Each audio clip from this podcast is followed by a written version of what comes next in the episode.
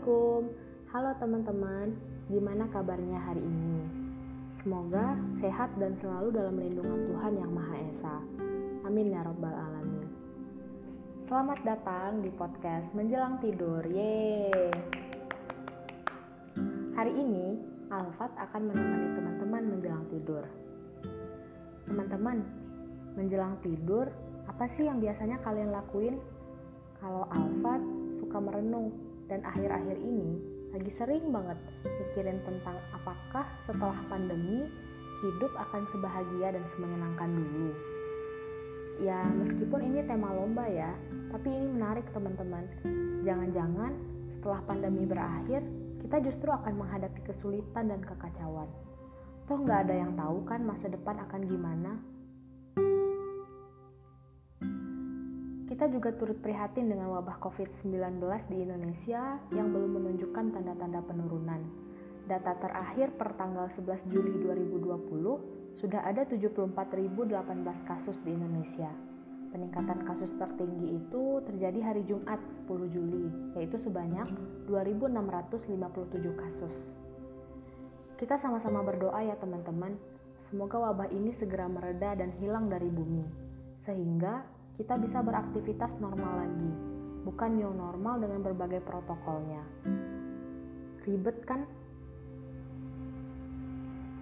Pastinya udah banyak nih yang menantikan kapan pandemi ini akan berakhir. Karena faktanya, pandemi emang menghambat banyak aktivitas yang biasanya kita lakukan. Mulai dari sekolah, kerja, hangout bareng teman, atau sekedar jalan-jalan tanpa harus pakai masker atau jaga jarak dan semua orang kayaknya akan sangat bahagia ketika masa itu datang. Nah, teman-teman, pertanyaannya sekarang, apa sih bahagia itu? Ketika punya banyak harta, orang akan bilang, "Wah, hidupnya pasti sangat bahagia." Atau orang yang terkenal, disayangi oleh banyak orang, kita berpikir, dia selalu dilimpahi kebahagiaan, betapa beruntungnya. Tapi, Tahukah teman-teman, ternyata nggak sedikit orang-orang yang kaya, yang terkenal, terlihat sangat bahagia, yang hidupnya seakan dijalani tanpa beban, malah berakhir tragis. Ada yang stres, bahkan sampai bunuh diri. Terus Al, hubungannya dengan yang mau diomongin tadi apa? Oke, jadi kita akan bahas satu persatu.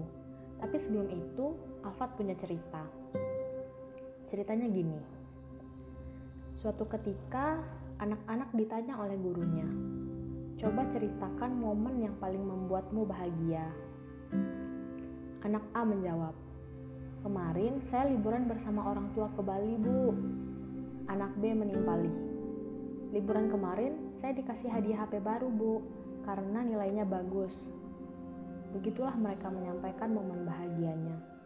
Wajah mereka berseri-seri. Tibalah giliran anak F yang bercerita. Ketika liburan saya di rumah aja bu, bantu-bantu orang tua ke sawah. Seisi kelas terdiam, hening, menatap Iba kepada F. Tapi tak lama, ia menyonggingkan senyum cerah. Tapi saya bahagia bu, setiap hari bisa main di sawah. Setelah selesai membantu orang tua, saya main layangan bersama teman-teman. Terus malamnya kumpul di ruang tengah dengerin cerita nenek.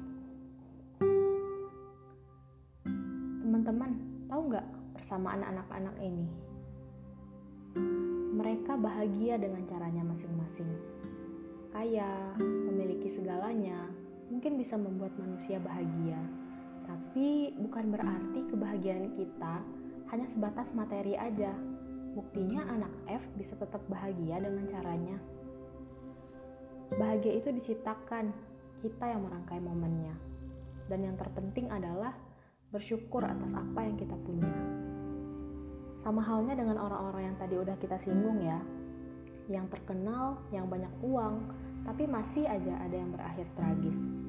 Itu kenapa kira-kira? Karena nggak ada rasa syukur dalam hatinya. Percaya deh, kalau kita bersyukur dengan apa yang kita punya, gak bakal ada tuh rasa gak puas, rasa bosan, atau iri sama kepunyaan orang lain. Bersyukur dengan keadaan yang dimiliki membuat kita menikmati momen-momen berharga dalam hidup. Membuat kita lebih bahagia. Meskipun sekarang pandemi belum berakhir, bukan berarti kita nggak bahagia kan? Ada banyak hal yang bisa dilakukan. Begitu juga ketika nanti pandemi usai, nggak ada yang menjamin kalian akan bahagia. Selama nggak ada rasa syukur dalam hati. Dan satu hal lagi yang penting, kita hargai momennya. Kita ciptakan bahagianya. Sebagai penutup, Alfat punya sebuah quotes. Jangan menunggu bahagia datang baru bersyukur, tapi bersyukurlah, maka kebahagiaan itu akan datang. Jalan-jalan bersama Asih. Cukup sekian dan terima kasih. Makasih buat teman-teman yang udah mau dengerin sampai akhir. Semoga obrolan kita hari ini ada manfaatnya ya. Buat kalian-kalian nih yang suka sama podcast ini, boleh banget di-share ke teman-teman yang lain. Semoga mereka bisa dapat manfaat yang sama dengan kalian. Oh iya, teman-teman jaga kesehatan ya. Tetap di rumah aja kalau nggak penting-penting banget keluar. Selamat tidur. Assalamualaikum.